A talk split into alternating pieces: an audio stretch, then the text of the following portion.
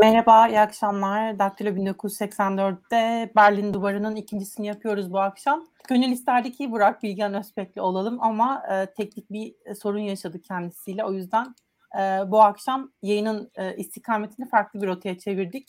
E, İzmir'deyiz, İlkan'la birlikteyiz. İlkan, selam, ne haber, nasılsın? İyiyim Maya. Sen nasılsın? Bu arada e, ben klasik tespitimi yapmak zorundayım. E, bir Tabii defa ki. daha tanıkladık. Tanık olduk daha doğrusu tanıkladık dedim. Türkçenin haline bak. E, tanık olduk. İkiz çocuk ne kadar feminist bir şey bir defa daha görmüş olduk açıkçası. Kolay kolay bir babanın çocuk bakımından nasıl azade olamadığını gösteriyor bu.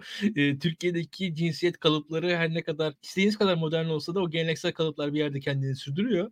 Ama buna rağmen o kalıpları da yıkan bir şey var. Bu ikiz çocuk hakikaten. İkiz çocuklardan babalar e, isteseler de istemeseler de ilgilenmek durumunda kalıyorlar. E, o yüzden de e, ambulans gibi geçiş üstünlükleri var zaten çocukların. E, ve bunun neticesinde de Burak Bilgehan'ı bazen yayınlarımızın e, da olmasını istesek de onu şöyle söyleyeyim onu affediyoruz diyelim ona izin vermek durumunda kalıyoruz e, ister istemez. Yayının ilerleyen zamanlarında belki durum değişirse Bilgehan Hoca aramıza katılabilir. Ee, ama söz vermiş olmayalım. Tekrar özür dileyerek başlamış olalım yayına. Bununla birlikte belki ilgilenenler e, Bilgehan Hoca'nın başka bir yayınına göz atabilirler. E, Meydanskop'ta yaptığı bir yayın vardı. Ön libero, e, ön libero muydu? E, programın adı bilmiyorum. Ben futboldan da çok anlamıyorum açıkçası. E, ona atıfla yaptığı bir program var. Orada biraz bahsediyor. Ama ben güncel meseleleri de ele almak istiyordum. Şimdi İlkan'la başlayalım. İlkan başlayalım istersen. Belki önce şuna bakmak lazım. E, programın adı da Berlin var. ironik olacak ama Soğuk Savaş e, döneminde Türkiye'nin Avrupa ekseninde konumlanışı vardı. Belki buraya bakmak biraz daha yararlı olacak bizim için. Ne farklılıklar vardı biraz karşılaştıralım istiyorum. Şimdi e, Türkiye Osmanlı'dan beri kendisini Avrupa kurumları içerisinde e, addetmeye çalıştı. E, Westfalia sisteminden sonra diyelim hani bu madem Burak Bilgehan'ın yerine e, konuk olarak geldim birazcık daha teknik terimlerle konuşayım. Osmanlı Devleti kendi sınırlarını e, sınırlara saygı çerçevesinde bir Avrupa devleti olarak özellikle Kırım Savaşı'ndan sonra konumlandırdı. Yani bir şekilde bir Avrupa devleti olarak kendini saydırmayı başardı. Islahat fermanı birazcık da bunun e, vesilesi de oldu. Şimdi bu bu çerçevede Osmanlı kendini Avrupa kurumlarında var etmeye çalışan bir devlet oldu. Daha öncesinde e, her ne kadar e, işte elçilik açmak vesaire gibi alanlarda pek öne çıkmamıştı. Genelde e, Darül Harp düşüncesi belki nedeniyle belki başka nedenlerle hatta Osmanlı zamanında hariciye işleri daha ziyade yabancı tüccarlar üzerinden veyahut da yabancı elçilikler üzerinden işte işletilen bir işti. Arkasından e, tercüme odası vesaire kendi azınlıkları üzerinden gitti. Fakat 19. yüzyıl, 18. yüzyıl sonra 19. yüzyıl başında da adım adım e, bizim e, hariciyemiz kuruldu ve dış ilişkilerimizde de Avrupa sistematiği içerisinde var olmaya çalıştık. Zaten orada da İlber Ortaylı'nın klasik e, argümanları anlattığı şeyler düveli muazzam o büyük devletler arasında da Osmanlı sayılmaya başlandı. Ki o zaman da devletler henüz eşit değillerdi. Fakat bizim dış politikamız açısından Avrupa'nın eşit parçası olmak her zaman bir önemli e, hadise olarak kaldı. Ki Atatürk döneminde mesela biz Lozan çok ciddi bir şekilde önemliydi. Tabii ki Lozan'ın arkasında Milletler Cemiyeti'ne Türkiye hemen üye olmadı. E, belli bir süre kendi üyeliğinde arkasında kendisi geciktirdi. Ve Türkiye'nin üyeliği de bir mesele olarak kaldı ve Türkiye'nin üyeliği Türkiye açısından önemli bir e, aşama e, olarak sayıldı ki e, şöyle söylemek lazım. Cumhuriyet'in ilk yıllarında dünyada öyle çok fazla bağımsız devlet yok. Yani neredeyse e, hatta böyle bazı önemli figürlerin atıyorum Afganistan Büyükelçisi olması 1930'larda küçümsenirdi Türkiye'de pek bilmeyen insanlar tarafından. Ya ama ya dünyada zaten 3 tane Müslüman ülke var. Yani e, birisini Afganistan'a elçi olarak atamak şu an atamaktan çok daha ciddi bir şey yani. O yüzden mesela 1930 yılının Afganistan Büyükelçisi çok önemli bir insandı diye tekrar hatırlatayım. Bu Fahrettin Paşa e, Medine müdafiği Fahrettin Paşa Atatürk zamanında Afganistan elçiliğine atanmıştı ki onun da önemini söylemek açısından söyle, e, ifade etmiş olayım. Burada şu var Maya, Türkiye-Avrupa Birliği ilişkileri, Türkiye-Avrupa ilişkileri, Türkiye'nin Avrupa kurumlarıyla olan ilişkilerinde e, bundan sonra da Soğuk Savaş dediğin gibi Berlin Duvarı'na konuyu getireceksin. Soğuk Savaş bambaşka bir e, aşama haline geldi. Neden? E, Cumhuriyet'in kuruluşu bir başka büyük devrimle beraber e, yürümüş bir süreç denilebilir. O da Ekim devrimi ve Sovyetler Birliği'nin kuruluşu. Sovyetler Birliği ile Cumhuriyeti kuran e, güçler arasında bir ittifak vardı ama ne olursa olsun bunlar e, bizim e, ekip Bolşevik değildi. Ve bu ve her zaman bir mesafe de vardı aralarında. İşbirlikleri ve çekince arasında gitti geldi ve kuzeyindeki büyük komşusundan e, bir Osmanlı bakiyesi olan Türkiye Cumhuriyeti her zaman çekindi. Bu çekinmenin arkasında da bir müttefik ittifak aradı. E, on, e, 19. yüzyılda bu e, müttefik Osmanlı'nın ilk bulduğu müttefik Fransa'dan sonra İngiltere oldu. İngiltere olan ittifakı da e, 19. yüzyıl sonlarına kadar sürmüşken Osmanlı 19. yüzyıl sonlarında Almanya'yı kendisine müttefik olarak buldu. Fakat uzun sürede bir müttefiksizlik yaşadı açıkçası. İngiltere'nin e, odağının değişmesi neticesinde Türkiye müttefiksiz kaldı ve bu Osmanlı'nın çöküşüne doğru e, giden süreci ortaya çıkarttı. Cumhuriyet'in ilk yıllarında da daha ziyade bu sefer Sovyet Rusya ile bir ittifak süreci ama bir mesafeli ortaklık yaşandı. E, İkinci Dünya Savaşı'nın arkasındansa Türkiye yine kendisini bir şekilde Batı kampında yer aradı. E, Türkiye'nin Batı kampında yer araması e, bence önemliydi. Aslında karşılıklı çıkarlar e, temelinde gelişti öyle değil mi? Yani, Tabii tabii. e, yani yalnızca Türkiye'nin çıkarları için değil, Batı'nın çıkarları için de e, Türkiye'nin bir Batı e, Batı'nın parçası olarak yer alması, e, Sovyet Rusya'ya karşı e, güvenliğin korunabilmesi anlamında çok önemliydi belki. Tabii tabii. Yani burada birkaç paradigma var burada aslında. İlginç e, benim ekleyebileceğim e, ortalama bilginin ötesinde. E, bir defa Türkiye Soğuk Savaş'ın e, başlamasının arkasından kendisini bir noktada bulmuş bir ülke gibi sayılmamalı. Türkiye aslında Soğuk Savaş'ın başlamasını sağlayan ülkelerden bir tanesi neredeyse. Yani e, Yunanistan'daki iç savaş işte bir şekilde e, Amerika'nın Şimdi Yunanistan genelde İngiliz e, kontrolünde olan bir ülkeydi ama İngiltere'nin gücü savaş sonrasında artık Sovyetler Birliği'ni dengelemeye çok yetmiyordu. İngiltere'nin gücünün yetmemesinin arkasında oraya Amerika çağrıldı ve o Amerika'nın bölgeye gelişiyle beraber Türkiye'de kendisini Amerika'nın yanında yer buldu. E, bütün bunların yanında ama e, Maya şöyle bir şey yaşandı aslında. Bu bu yer buluşla beraber, beraber Türkiye Batı kampına girdi. Türkiye'de çok partili sistem e, başladı ve Türkiye Batı'nın temel değerlerine uygun bir ülke olarak kendisini konumlandırdı.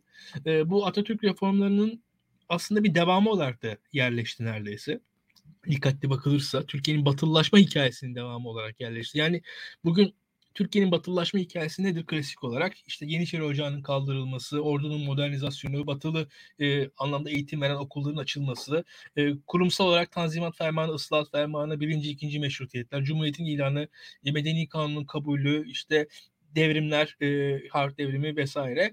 Ama buna aslında bir noktada da şunu da ekleyebilmek lazım. Eklemek, burası işte tartışmalı NATO'ya giriş. Yani hakikaten Türkiye'nin batı kampına gir. Acaba bu da Türkiye'nin batılılaşma hikayesi nerededir diye düşünmek lazım. Ki burada aslında hikaye yavaş yavaş çetrefil hale geliyor.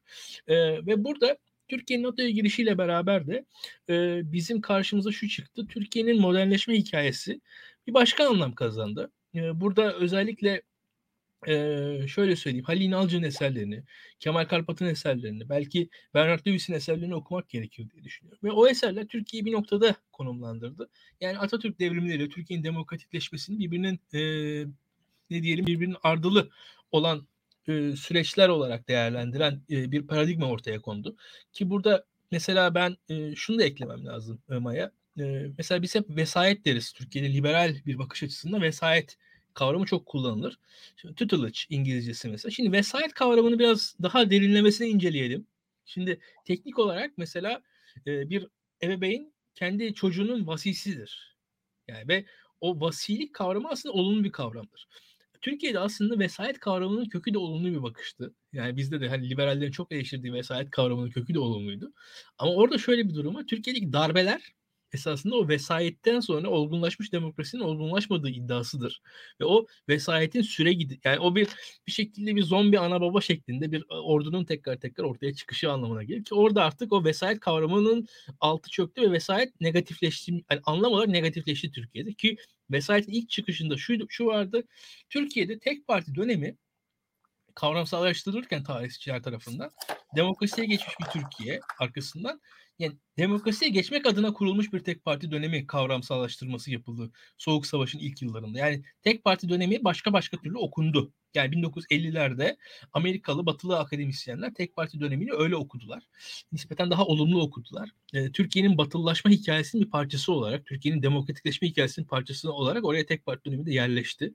Öyle söyleyeyim. Öyle bir e, Atatürkçü okuma yapıldı aslında. O da Türkiye'deki Atatürkçülüğe uzun süre hakim kaldı.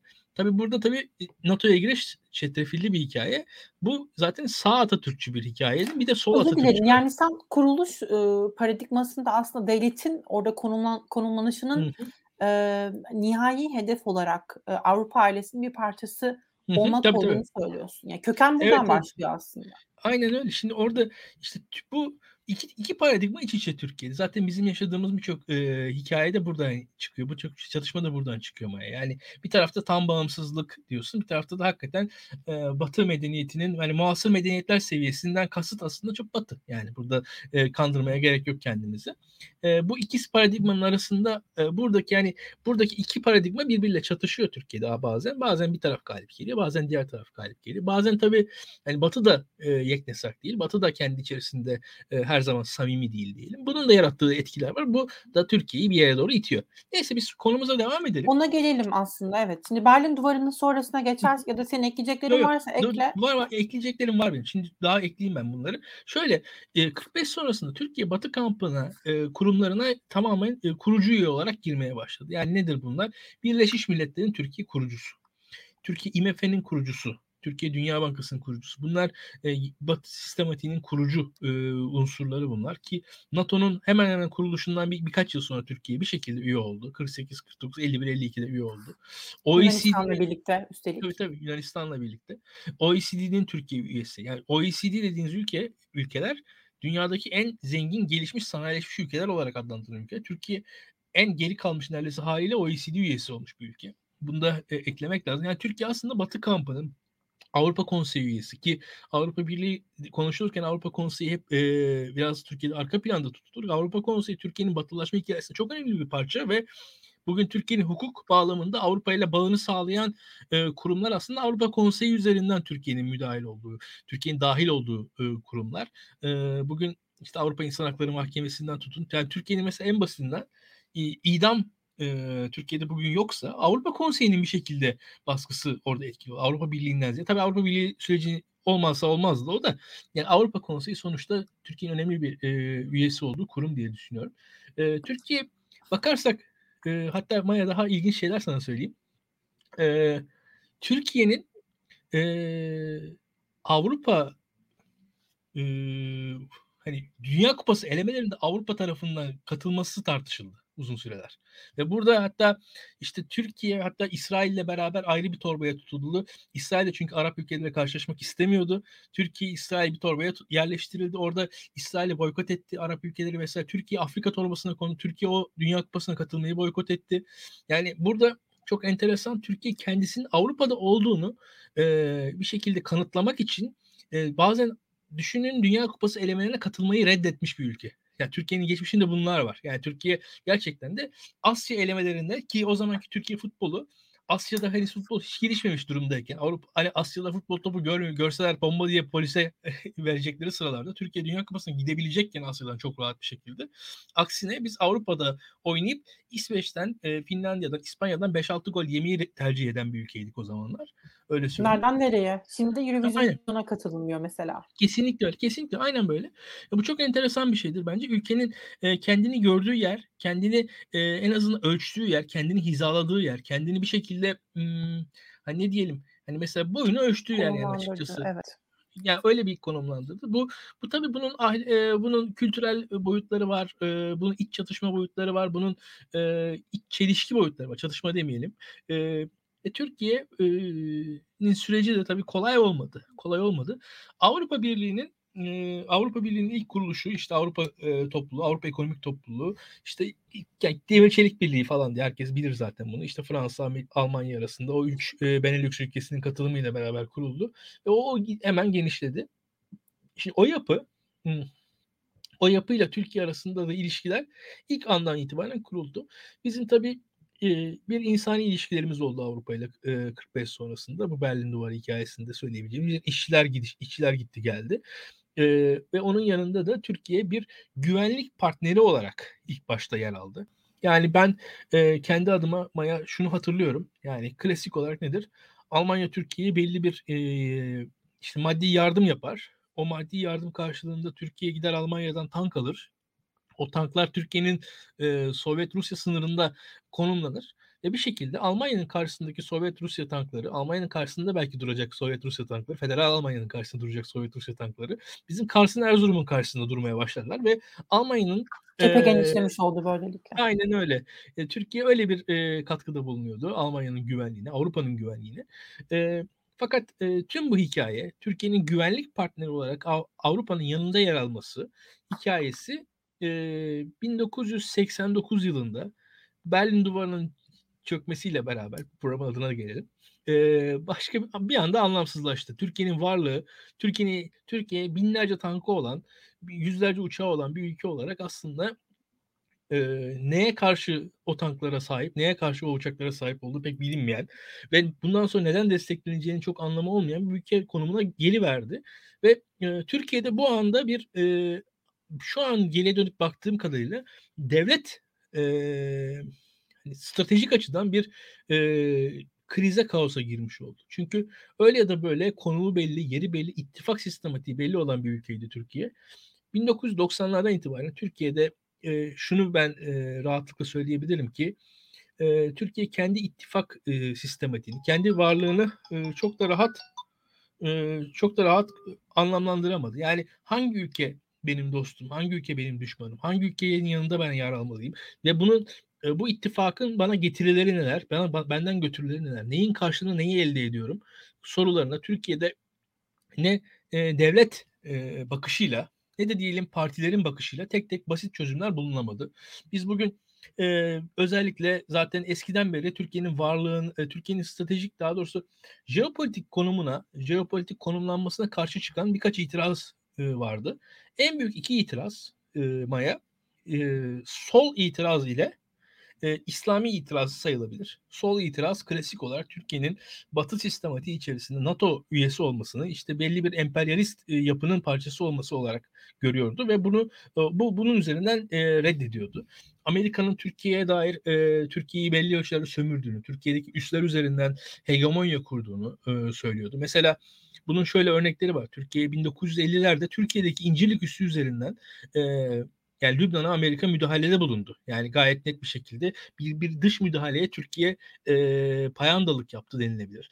Böyle Türkiye'nin e, atıyorum e, özellikle İsrail gibi ülkelere veyahut da gene e, 1950'lerde Fransa'nın e, Fransa'dan bağımsızlığını kazanmaya çalışan Cezayir'e karşı Fransa'nın yanında Türkiye'nin tavır alması gibi Türkiye'nin aslında klasik kendi e, en azından bu sol fikriyatın Türkiye'nin kendisinde olması gerektiğini gördüğü e, anti-emperyalist duruşu bu çerçevede sergileyemediğini söyledi.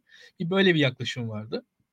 Ve Türkiye'nin aynı şekilde e, Batı sistematiğine yer alarak da kendisini tamamen bağımsız kılamadığını, daha ziyade Batı'nın e, hani Batı'nın yardımına muhtaç, Batı'nın e, bir şekilde tarım ülkesi olarak kalacak bir ülke olarak konumladığını düşünen bir itiraz soldan geldi.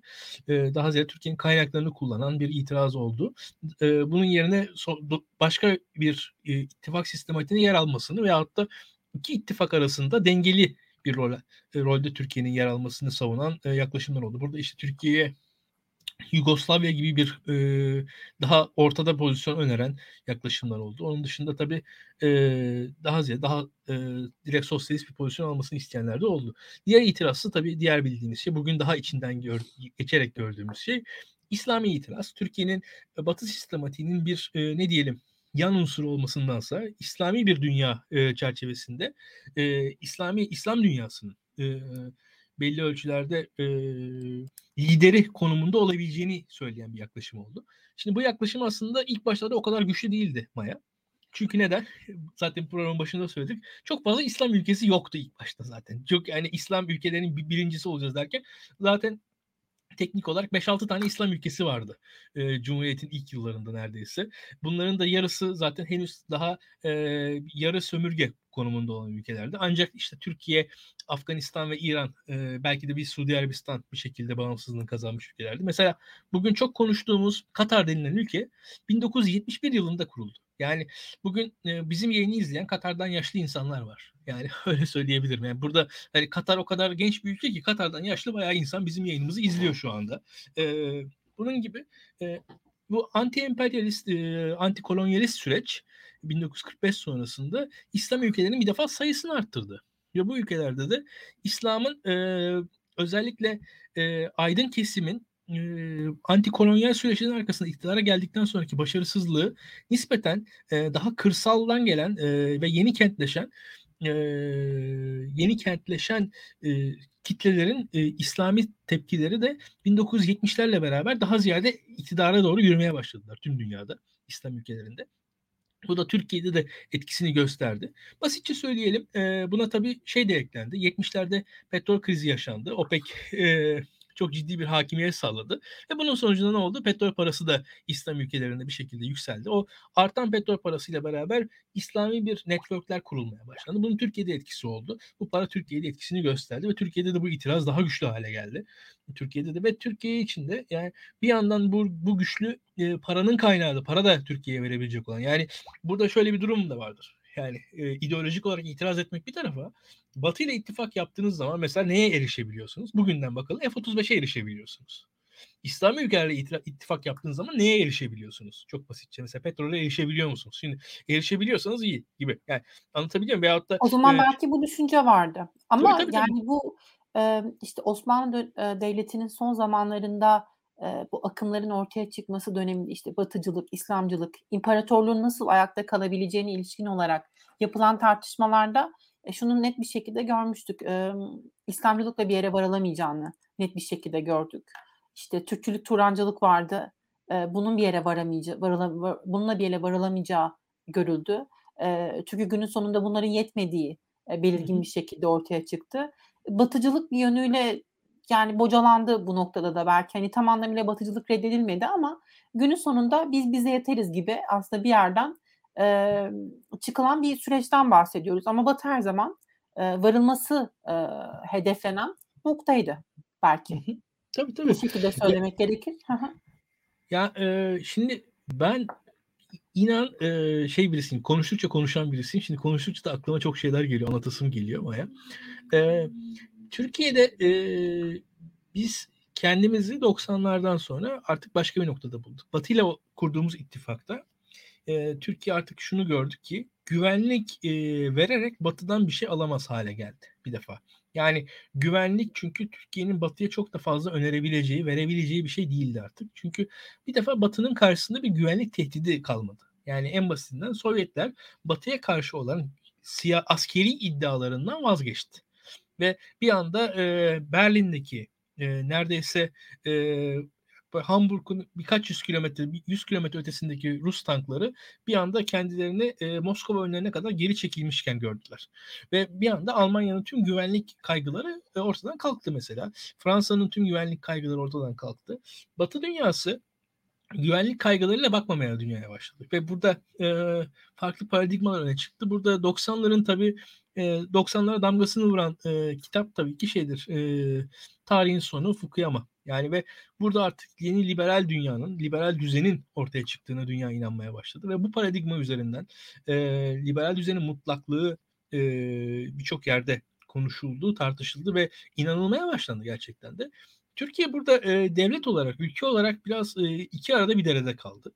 Kendisini konumla, e, kendisinin arkasında çok ciddi bir güç göremedi. İttifak, müttefik ilk ilişkilerinde kendisini birazcık daha dışarıda kalmış gördü ve kendi Kürt sorunu özellikle ve kendi demokrasi eksiklikleri de Türkiye'yi burada e, en azından şu eski Soğuk Savaş zamanında bir ittifak üyesi ülke olarak e, ittifakın vereceği destek ile çözebileceği sorunlar la bu sefer kendi kendine karşılaşır hale geldi ve bu bu sorunlar da bir anda büyüdü zaten aslında. Bir, çok net bir şekilde onu görüyoruz. Yani ittifak sistematiği gevşediği anda 89-91 sürecinden sonra bir anda bizim karşımıza Kürt meselesinin büyüdüğü, İslam İslamcılığın, radikal İslamcılığın büyüdüğü bir ülkeyle karşılaştık. Bu çok tesadüf değildi. Yani bir, bir anda çok net bir ilişki yok ortada ama bunların ikisinin e, tamamen aynı e, zaman diliminde gerçekleşmesini çok tesadüf görmüyorum ben.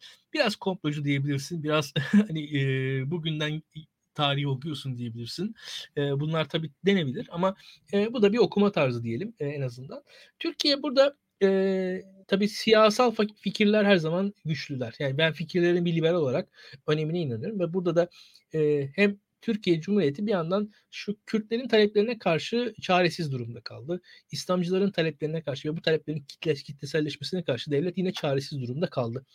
E, bütün bunlar bizim karşımıza 90'lardaki Türkiye'nin e, kaosunu, belirsizliğini ortaya çıkarttı. Bütün bu kaos belirsizlik üzerinden de bugüne kadar geldik. Açıkçası e, bir yandan da Bilgehan da geldi bu arada. Hocam hoş geldiniz. Ee, İlkan, yani Bilgehan Hoca'nın gelmesi de gerçekten e, güzel bir zamana denk geldi. Çünkü e, biz e, Bilgehan Hoca yokken hali hazırda e, Soğuk Savaş döneminde e, biraz değerlendirmeyi denedik. E, ben Bilgehan'ın ne diyeceğini iyi kötü tahmin ediyordum. O yüzden onları hemen hemen söyledim diyeyim. Şimdi e, Bilgehan Hoca'yı hazır almışken yayına e, geçtiğimiz günlerde sizin verdiğiniz bir demeç vardı Financial Times'a. E, burada diyorsunuz ki ekonomik aslında ben ekonomiyle dış politikayı biraz bağlamak istiyorum. E, soğuk sa- savaş sonrası dönemde e, kötü gidiş hesaplanmış e, olarak e, karşımıza çıkıyor diyorsunuz ve hükümetin bir tür e, survival içinde mücadele ettiğini söylüyorsunuz.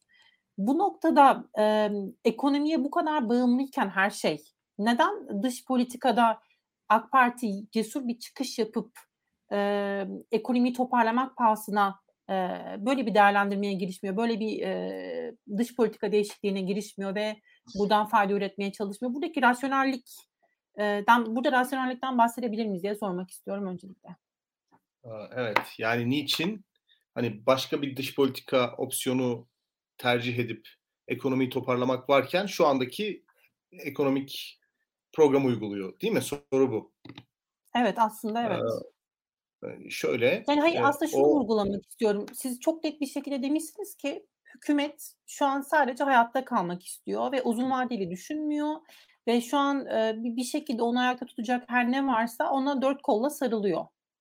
Bu dört kolla evet. sarılma neden Avrupa Avrupa yönelik olmuyor? Neden e, Merkel'e sarılmıyor? Neden Macron'a sarılmıyor da daha farklı yollar deniyor. Bu onun hayatta kalmasını yol açmaz mı? Olumlu bir gidişat sağlamaz mı hükümet için? Ee, sağlamayabilir her zaman. Yani çünkü e, Avrupa Birliği demek, Türk-Avrupa Birliği ilişkileri çerçevesinde konuşursak, e, koşullanma prensibi çerçevesinde şekillenen ilişkiler demek. Yani şu, Türkiye belli adımlar atacak, Avrupa Birliği de buna karşılık belirli adımlar atacak ve Türkiye'nin attığı adımlar da birlik üyesi devletlerin ulusal çıkarlarından ziyade birlik prensibi, prensipleri ve birlik kriterlerine uygun bir şekilde kendi sistemini dönüştürmek üzere. Yani Tayyip Bey'in istediği şey Fransa ile kapalı kapılar arkasında ulusal çıkar üzerinden bir pazarlık yapmak. Almanya ile kapalı kapılar arkasında iki devletin ulusal çıkarları üzerinden bir pazarlık yapmak. Tayyip Bey'in istediği şey Avrupa Birliği'nin kriterleri Avrupa Birliği'nin müktesebatı, Avrupa Birliği'nin ortak dış politikası çerçevesinde bir işbirliği yapmak değil. Çünkü birincisi olduğu zaman kendi iç politikadaki gücünü kurumlarla, diğer aktörlerle veya belirli e, normlar çerçevesinde paylaşmak e, zorunda kalacak. Bilgehan şunu anlatmak istiyordu çok basitçe. Ee, Avrupa ile bir ittifak yaptığınız zaman belli şekillerde kurallara, kaidelere uymak zorundasınız. Ve o her kurala, kaideye uyduğunuz anda kendinizi sınırlamak durumundasınız. Mevcut iktidarın temel paradigması yani benim açımdan şu anda şu Maya. E, mesela ben iktidarı 12 Eylül Anayasası'na karşı bir iktidar olarak görmüyorum. Yani anayasaya karşı bir iktidar olarak görüyor. Anayasa denen kurumun kendisine karşı bir iktidar olarak görüyor. Mesela Devlet Bahçeli çok güzel bir şekilde söylüyor. Anayasa Mahkemesi'ne karşı Devlet Bahçeli. Yani Devlet Bahçeli'nin karşı olduğu devlet kurumları mesela Anayasa Mahkemesi diye bir kuruma Devlet Bahçeli karşı. Bence Adalet ve Kalkınma Partisi de anayasaya karşı. Ee, burada e, şu anda o yüzden herhangi bir şekilde kurallı kaideli bir düzene karşılar. Mesela e, şu an şöyle söyleyeyim sana e, Maya. Türkiye'de IMF'ye karşı, IMF'e karşı olan e, pozisyon bence şu an e, sol bir pozisyon olmaktan çıkmıştır. Daha ziyade kurala kaideye karşı olmak noktasına gel- gelmiştir. Yani belki 90'larda IMF'ye karşı olan insanlar IMF politikalarının e, emekçi sınıfı bastırdığını düşünerek karşı olabilirlerdi. O, oluyorlardı zaten. Ama şu anda ki karşı oluş bence sol emekçi sınıf e, duyarlılığı üzerinden bir sol karşı çıkışı değil. Aksine kural kaide karşı çıkışı. Yani yoksa şu an Türkiye'deki mevcut politikalar IMF yok. emekçi sınıfı savunan bir politika falan uygulanmıyor Türkiye'de yani. Açık kimse kimseyi kandırmasın. Ya yani burada şu anda aslında o sol jargon alınıyor Türkiye'de. 90'larda mesela IMF'ye karşı çıkan sol jargon alınıyor. Biz IMF'ye karşıyız. Şuna karşıyız, buna karşıyız. Tamam çok güzel. Ama neticede uygulama gerçekten de sosyal devleti savunan veyahut da emekçi sınıfların e, çıkarlarını savunan uygulamalar oluyor mu? Hiçbirisi olmuyor. Yani burada bizim aslında hatta yani burada şöyle bir durum var. Liberal kesim bir şekilde dayağı yiyor. Ama ortada çıkan şey de aslında e, hani o tırnak içinde neoliberal vesaire böyle bir işçi düşmanı falan o, onun onun da kralı yapılıyor bir anda. Yani çok komik bir durum var şu anda. Türkiye'nin yaşadıklarından biri o. E, burada e, ya benim anlattığım şeyin devamında ben şöyle diyeceğim. Ya Türkiye şu anda aslında 90'larda kendisini bir şekilde batılılaşmasını bir üst seviyeye çıkartmaya çalıştı. Bu Avrupa Birliği süreçleriyle, belki belli ölçülerde IMF programlarıyla, belli ölçülerde değer, işte derviş zamanı belli kurumsal yapılar kuruldu, özel kurumlar kuruldu. İşte özel Merkez Bankası, özel işte banka, bankacılık kurulu, özel e, enerji kurumu vesaire birçok bir özel kurum kuruldu. Bunların etkileri arttırıldı, bunların kadroları arttırıldı. Bütün bunlar yapılırken Maya aslında Türkiye bir yere kadar geldi. Avrupa'nın da belki hatalarıyla, Türkiye'nin de hatalarıyla o e, neticeye varamadı. Eksik oldu. O süreç niye eksik oldu konuşmamız lazım. Bu zaten senin programının belki temel e, sorularından, e, sorunsallarından bir tanesi olacak diye düşünüyorum. E burada da e, Türkiye'de bakın e, bu şey önemli. 1990'larda biz e, Tuncel Kılıçpaşa'dan e, şeyi duyduk. E, 28 Şubat'ın Türkiye'nin en e, sıkı uygulandığı zamanlarında e, anti-İslamcı duyguların en yüksek şekilde söylendiği zamanlarda bir anda şey duymuştuk. İşte e, Rusya ile, Çin ile ve İran'la ittifak sistemi kurulabilir mi falan diye. O aslında e, bir e, devlet katındaki çaresizliğin açıklamasıydı. Ben burada şunu görüyorum. Hmm, bu bu paradigmayla e, İslamcı paradigma aslında bir noktada yavaş yavaş bir temas etti. Yani e, nasıl diyelim e, bir anlay bir orta yol bulundu burada. Bu, bu, bu orta yolun bir ucu belki Arap Baharı'dır. Bir ucu daha öncesinde Ahmet Davutoğlu Başbakanlığında yaşanan süreçlerde Türkiye ile İran'ın nükleer anlaşmada Türkiye, Brezilya, İran bir anlaşma yapmıştı. Burada farklı farklı e, ittifaklar kurulmaya çalışıldı. Devlet de orada Avrupa'dan göremediği, Avrupa'da bulamadığı güvenlik, güvenlik kaygılarının e, giderilmesi ve kendine dayanacak bir dalı da orada bulmaya çalıştı diye düşünüyorum. Ne kadar buldu tartışılır. Yani ittifaklar e, şöyle söyleyeyim ben. E, sonuçta belli tercihler sonucunda oluşmuş kurumlardır ve ittifaklara ne aldığınız ne verdiğiniz ortadadır. Şu an işte atıyorum Amerika'nın karşısında Türkiye tavırlar alıyor. Amerika Türkiye'nin karşısında tavırlar alıyor. Özellikle Türkiye Suriye meselesinde Amerika ile kendisi çok ayrışmış durumda. Suriye meselesinin başlangıcında Türkiye ile Amerika aynı noktadaydı. Yani fakat bugün öyle bir noktaya geldi ki Suriye şu an Amerika ile Türkiye'yi ayıran bir numaralı mesele haline geldi. Ee, bu enteresan bir süreç. 20 yıl sonra ne olur? Hakikaten ben de bilmiyorum. Bunu şundan dolayı söyledim. Ee, 20 yıl önce 30 yıl önce Türkiye'nin e, Irak politikasında biz bunları konuşuyorduk. İran'ın kuzeyinde bir Kürt varlığının oluşması Türkiye'nin temel kaygılarından bir tanesiydi. Biz 2007 seçimleri öncesinde Türkiye'nin Kuzey Irak'ta e, bir Kürt entitesinin oluşmasını engellemesini tartışıyorduk. E, bugün ise aynı şekilde Suriye'nin kuzeyinde bir Kürt varlığının Türkiye'nin engelle, engellemesi tartışılıyor. Bu ilginç bir şey aslında. Amerika'nın o politikası sürüyor. Türkiye'de Amerika ile o noktada ayrışmış durumda bugün. Yarın Amerika ile Türkiye belli bir ortaklık kurabilir mi? Bence kurabilir ama kurmaya da bilir. Ee, bunun neticesinde Türkiye nerede bulunacak? Ee, işte atıyorum Rusya ile veya Çin'le veya İran'la bunun muadili bir ittifak kurabilir mi? Ben ittifak kurmasını çok olası görmüyorum ama e, Türkiye'de kendisi belki de başka bir e, yol bulmak zorunda kalacak ve e, özellikle şu var e, ne alıyoruz ne veriyoruz onu düşünmek gerekiyor. Bizim yayınlarda Burak Bilgehan hep bahsediyor. Yani Rusya ile olan ilişkilerde ne aldık ne verdik. Bir oturalım bakalım. Yani hakikaten ne aldık ne verdik. Ee, ya buradan Rusya yani ilişkilerden zaten iki tarafta kazançlı çıkmalıdır diye düşünelim. Burada yani bir şekilde karşımızdakinin de bir aktör olduğunu, onun da bir agency'sinin olduğunu düşünerek yaklaşalım.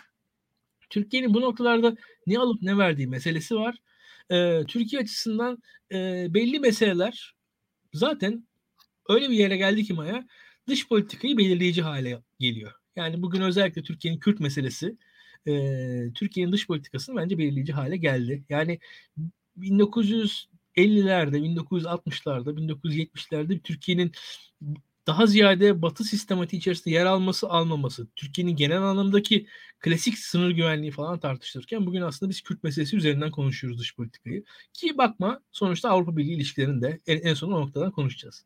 Bence Bilgen anlatsın bir şeyler. Ee, tüm dediklerini o daha da güzel özetleyecektir. Ben çok konuşuyorum. Ee, aklımda sorular çok benim. Ee, beraber konuşacağız. Muhtemelen bu yayın uzun da sürecek. IUG'ye falan kızdıracağız. Evet. Şey, e, siz en son hükümet için ne tür e, olumlu e, şu mevcut statükonun, mevcut Evet. ilişki gelişiminin ne tür faydaları olabileceğini konuşuyorduk aslında. İlkan Evet, da evet. bahsetti. Yani işte Rusya ile ilişkilere baktığımızda e, şunu görüyoruz. Rusya demokratik bir rejim değil şüphesiz. E, Putin'in çıkarları aslında konuştuğumuz şey Rusya'nın değil. E, Putin'i ayakta kalmaya iten e, şeyler için e, bir siyaset yolu izleniyor, yöntemi izleniyor. E, Türkiye hibrit rejim olarak algılanıyor indekslerde. E, burada da tabii ki şüphesiz Erdoğan'ın çıkarları e, devreye girmiş oluyor. Size soruyu sormadan önce şunu da aslında e, dahil etmenizi istiyorum. Ayrıca da rica etmiş olalım. Bu e, güncel anket vardı. Avrupa Birliği'nin e, Avrupa Birliği'ne katılımın ne ölçüde nasıl algılandığı ve e, buna hala desteğin devam edip etmediği partiler bazında devam edip etmediği ile ilgili bir anket vardı. Onu yansıtmasını rica edeyim. Bu noktada şunu da sormuş olayım. Hükümetin tamam anlayabiliyoruz ama muhalefet neden e, Avrupa Birliği perspektifine sahip çıkmıyor? Evet sorsak belki aşağı yukarı hepsi destek olduklarını söyleyeceklerdir. İyi Partisi, CHP'si, DEVA yine e, ona keza. E, neden neden böyle bir e, gündem benimsenmiyor? Neden bunun birçok soruna e, sorunu çözebileceği anlayışı hakim değil? Yani öncelikli olarak biraz önce bıraktığım yerden devam edeyim. Yani niçin ulusal çıkarlar doğrultusunda değil de e, daha çok Tayyip Bey'in kendi kişisel ikbali için bir dış politika yapıyoruz. E, yani bu soru zaten kendi içinde bir cevap barındırıyor. E, yani ulusal çıkarın ne olduğunun, hangi hamleyi ihtiva ettiğini yani ya da hangi tutuma işaret ettiğini çok net olarak söyleyemeyiz. Yani hepimizin kafasında farklı bir ulusal çıkar tanımı olabilir. Siyasi partilerin de farklı ulusal çıkar tanımlamaları olabilir. Ancak bizde yaşanan durum biraz bundan farklı. Yani Tayyip Bey'in kendi yorumladığı ulusal çıkardan ziyade yani ulus adına yorumladığı çıkardan ziyade burada başka bir şey var. Ee, burada e, doğrudan e, kurumları bypass ederek kendisinin dış politikayı yapması ve kendisinin aktörlerle e, bir bağlayıcılığı olan bir ilişkiye girmesi söz konusu. Yani bundan şunu söylemeyi e, istiyorum. Bir ülke demokratik olmak zorunda değildir ama kendi içinde bazı kurumları olabilir. Mesela Çin Komünist Partisi'nde Komünist Partisi üyeleri birbirini denetlerler. Rusya'da bürokratik klikler arasındaki ilişki birbirini denetleyebilir. Dolayısıyla lider o kadar da hoyratça dış politika yapamayabilir. Demokratik ülkelerde meclisler bunu yapar, parlamentolar bunu yapar. Bağımsız yargı aslında biraz bunu yapar. Ama Türkiye bu sistemlerin hiçbir tanesine benzemeyen bir ülke.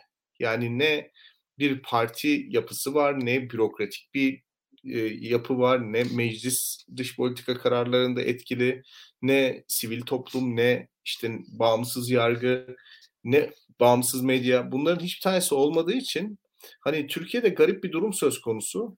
Dış politika kararlarının ne için, kim için alındığı ya da nasıl bir yoruma dayandığı gerekçeli olarak açıklanmıyor. Yani gerekçeli olarak açıklansa ben alternatif dış politika yorumlarını da hani benimsemeye meyilliyimdir. Tek bir standart yorum üzerinden gitmemeliyiz. Ancak bazı şeylerin gerekçesi açıklanmıyor. Gerekçesi açıklandığı anda çünkü çok muğlak bir hal alıyor. Mesela Afganistan'da biz Kabil Havaalanı'nı korumaya istekliydik öyle değil mi? Yani IŞİD aman e, Taliban e, Afganistan'ı ele, ele geçirmeseydi e, muhtemelen Türkiye Kabil Havaalanı'nı koruyacaktı. Allah'tan Taliban bunu becerdi ve Türkiye'ye öyle bir görev kalmadı. Fakat dikkat ederseniz orada hani gerekçesini sunun dediğiniz zaman bir gerekçe sunamadı hükümet. Gerekçe sunmaya çalıştığı zaman çünkü farklı gerekçeler de ortaya çıkıyor. Libya'da da benzer bir şey oldu. Yani mesela bu mavi vatan meselesinin bu kadar popüler olmasının sebebi Libya'ya zaten hali hazırda girmeye niyetli olan Libya'daki işte Müslüman kardeşleri ya da kendisine yakın grupları desteklemeye niyetli olan hükümetin bir açıklama bulmuş olması. Yani Mavi Vatan dediğimiz şey bir açıklama aslında. O yüzden hani Türkiye'de Tayyip Bey'in dış politika anlayışı açıklamalardan e, bağımsız. Yani bir açıklamaya ihtiyaç bile açıkçası duymuyor. Mesela göçmen meselesinde de yine aynı şekilde yani bunu açıklayamıyorsunuz. Yani göçmen meselesinde Türkiye'nin neyin karşılığında, niçin bunu yaptığını açıklayamıyorsunuz. Mesela Afrin meselesi e, tamamıyla uğultuyla, milliyetçilikle, romantizmle açıklanan bir şey. S-400 meselesi romantizmle, işte hamasetle açıklanan bir şey. Dolayısıyla hani kendi alternatif dış politika paradigması olsa, bunu da açıklamaya çalışsa, bir gerekçelendirme niyeti olsa bunu saygıyla karşılarım. Mesela Ahmet Davutoğlu'nun dış politika anlayışı çok alternatif bir dış politika anlayışı aslında. Güç parametresini çok e, soyut tanımlıyor. E, yani ölçülebilir parametreler dışında yeni parametreler öneriyor. Ortak kültür gibi, ortak tarih gibi. Ya şimdi bunlar aslında çok soyut şeyler. Fakat günün sonunda mesela Davutoğlu Orta Doğu'da Türkiye niye aktif olmalı sorusunun kendisine göre bir cevabını veriyor. iyi ya da kötü. Tayyip Bey bu cevabı veremiyor. Ya onu söyleyeyim size. Yani niçin S-400 aldık da şu anda kullanmamaya çalışıyoruz sorusunun cevabı yok. Yani niçin aldığımızın da cevabı yok, niçin kullanmıyoruzun da cevabı yok. O yüzden Tayyip Bey için o ikili ilişkiler açıkçası açıklaması olan ulusal çıkarla gerekçelendirilen hamlelerden ziyade kendisinin o an aradığı siyasi dopingi sağlayabilecek dış aktöre verilmiş sözler, yapılmış iyilikler veya verilmiş gözdağları. Öyle söyleyeyim size. Yani tamamıyla iç politikayla alakalı bir şey. Ee, o yüzden hani diğer otoriter ve demokratik devletlerin dış politikalarıyla orada bir fark var. Avrupa Birliği meselesi de öyle. Yani Avrupa Birliği'ne Türkiye girmeyebilir, Avrupa Birliği'ne girebilir. Yani ben iki tez arasında şimdi burada bir tartışma yaratmak istemiyorum. Yani çok fazla ulusal egemenlik müptelasıysanız Avrupa Birliği'ne karşı çıkabilirsiniz. Bunu anlayışla karşılarım. E, çok fazla evrensel değerler, evrensel normlar ya da Avrupa kimliği üzerinden ilerlemek istiyorsanız Avrupa Birliği'ne savunursunuz. Bu da tamam. Yani bun, bunlar tartışılabilir şeyler. Fakat Türkiye Avrupa Birliği ile Avrupa Birliği ülkeleriyle ilişki kurmak istiyor. Fakat evrensel normlara da alerjisi var. Yani günün sonunda ne ulusal egemenliğini muhafaza edebiliyor ne evrensel normlara intibak edebiliyor. Çok saçma bir durumda buluyoruz kendimizi. Anlatabiliyor muyum? Yani bunun sebebi de Tayyip Bey'in kendi işte iktidarını, kendi politik ikbalini e, ülkenin ulusal çıkarının önüne koyması. Bugün Avrupa Birliği Türkiye'den gücün paylaşılmasını talep edecek, kurumsallık talep edecek, şeffaflık talep edecek, daha fazla insan haklarına saygı talep edecek, daha fazla katılımcı demokrasi talep edecek, daha özgür medya talep edecek. Tayyip Bey bunları istemiyor. Çünkü bunların olduğu durumda Tayyip Bey'in hükümet olmasının bir anlamı yok. Hükümet olabileceğinin de garantisi yok açıkçası. Bunun yerine birlik üyesi ülkelerle daha çok böyle kapalı çarşı esnafının e, kilim ticaretine benzeyen şekilde bir e, dış politika yapma ihtiyacı duyuyoruz. E, bu da tabii günün sonunda e, Tayyip Bey'in kazandığı ama Türkiye'nin kaybettiği bir duruma sebebiyet veriyor. Artık öyle bir noktaya geldik ki artık Türkiye'de de kay, kaybetme haddini aştı.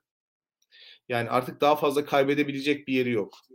E, siz mesela işte bu S-400 olayında yaklaşık 13-14 milyar dolar Türkiye'nin zararı var. Yani bu 140 milyar lira para.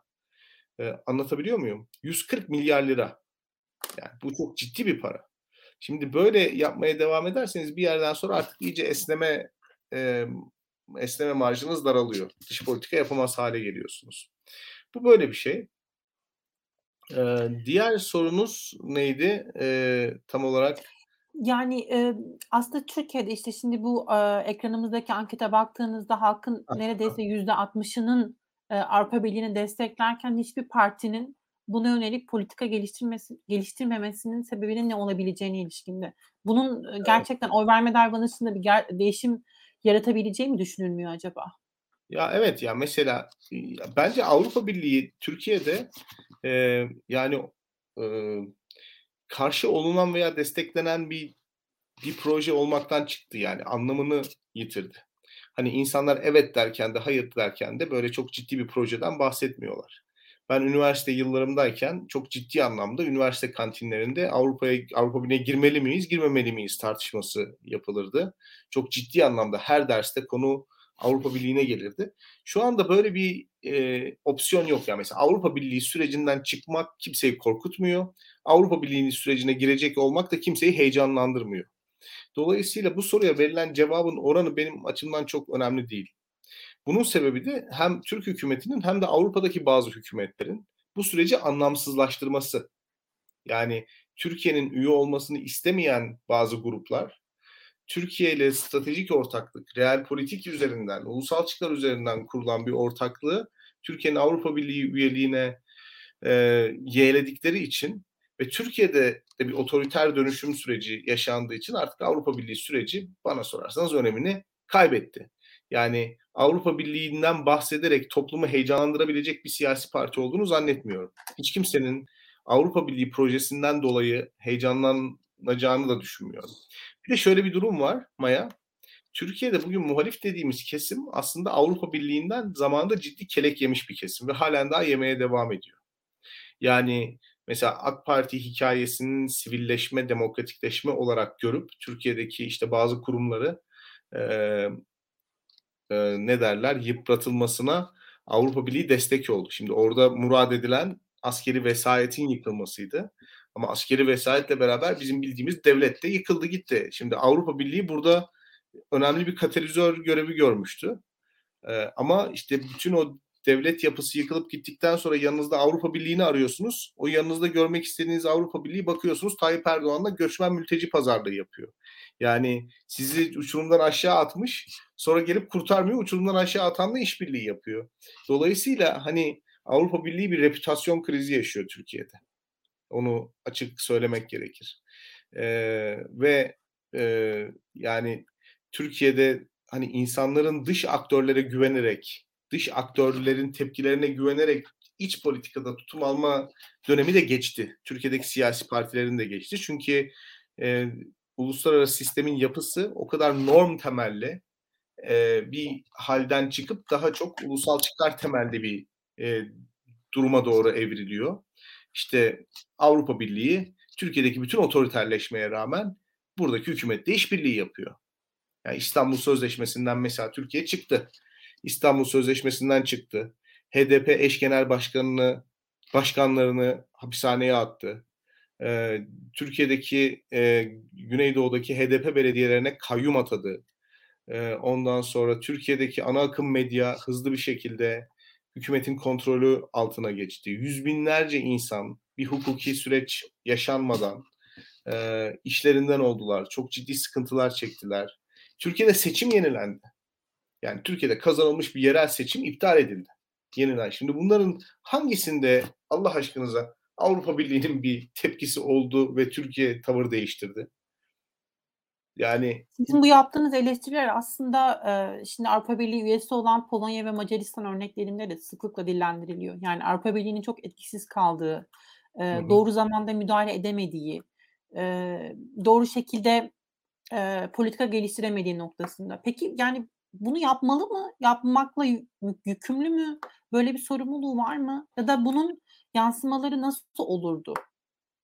Ya böyle bir sorumluluğu yok. Ben hani bunu, bunu yani bizi Avrupa Birliği kurtarmalı demiyorum fakat en azından bizim yaşadığımız bazı sıkıntıların da temeli Avrupa Birliği'nin bu tip liderlere açtığı kredi ve bu tip liderlerin ekonomik performansına yaptıkları katkıyla çok doğrudan orantılı. Yani en azından orada çok ilkesel durulabilir. Anlat, anlatabiliyor muyum? Ee, ve mesela o tip konular biraz koşullamanın parçası haline getirilebilir. Şimdi bakıyoruz şöyle bir durum var. Demokratik devletler birbirleriyle gayet iyi anlaşıyorlar. Demokratik devletler demokratik olmayan devletlerle de gayet iyi anlaşıyorlar. O zaman demokratik devletlerin birbirleriyle iyi anlaştığına dair tez açıklayıcılığını yitiriyor. Şimdi Avrupa Birliği'nin temeli rejimler değişsin, dönüşsün, demokratikleşsin ki biz iyi anlaşalım gibi bir işbirliği yapalım gibi bir varsayıma dayanıyordu. Şimdi e, Özellikle Bey, Türkiye örneği için söylüyoruz öyle değil evet, mi bunu? Evet, yani bir Mısır'dan bahsetmiyoruz. Böyle bir beklenti yok çünkü. bahsetmiyoruz. Tayyip Bey gibi, Orban gibi, Kaczynski gibi işte yani böyle hani otoriterleşen liderlerle iyi anlaşıyorsanız o zaman demokratik devletlerin birbirleriyle işbirliği yapmasının ayrıcalıklı bir tarafı yok. Siz herkesle iyi anlaşıyorsunuz zaten. Yani anlatabiliyor muyum? O temel tezden vazgeçildiğini görüyoruz. Ben hani Türkiye Cumhuriyeti vatandaşı olarak Avrupa Birliği'ne bel bağlamıyorum ama hani e, Türkiye'deki verilen mücadeleye de biraz hani e, ne derler köstek olmamasını en azından hükümete destek vermemesini temenni ediyorum. Cid, ciddi anlamda bunu temenni ediyorum. Çünkü hükümetin dış politikada aradığı desteği e, ciddi anlamda veren bir Avrupa Birliği olduğu kanaatindeyim. Belki özellikle Merkel'den bahsetmek lazım bu evet, anlamda. Merkel'den Cem Özdemir'in de Cem Özdemir'in de bahsettiği eleştiriler vardı. Yani bir noktada Türkiye ile diyaloğun koparılmaması, bir şekilde Avrupa Birliği sürecinin dondurulmuş da olsa e, ayakta tutulması ama buna rağmen mesela Merkel'in yaptığı bir ziyaret, ziyaretin e, çalışma ziyareti olması, işte yalnızca bir öğleden sonrasını e, içermesi, bir resmi hüviyetinin olmaması belki. Bu tip e, duruşların aslında belki sağlanabileceği konuşuluyordu ama bunları yapmaktan kaçındılar belki. Ee, ya sadece bu değil. Yani Türkiye'de Avrupa Birliği ile iş yap. Avrupa yani Türkiye'nin en büyük ihracat pazarı aslında. Yani bunu öyle görmek lazım. Ee, Türkiye mesela Rusya turist kartını Türkiye'deki siyasi havayı şekillendirmek için çok etkin bir şekilde oynamayı başaran bir ülke farkındaysanız turizm kartını.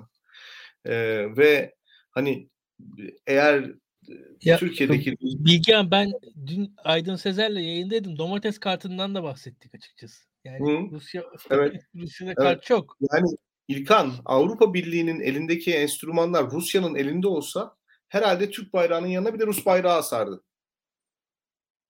Yani anlatabiliyor muyum?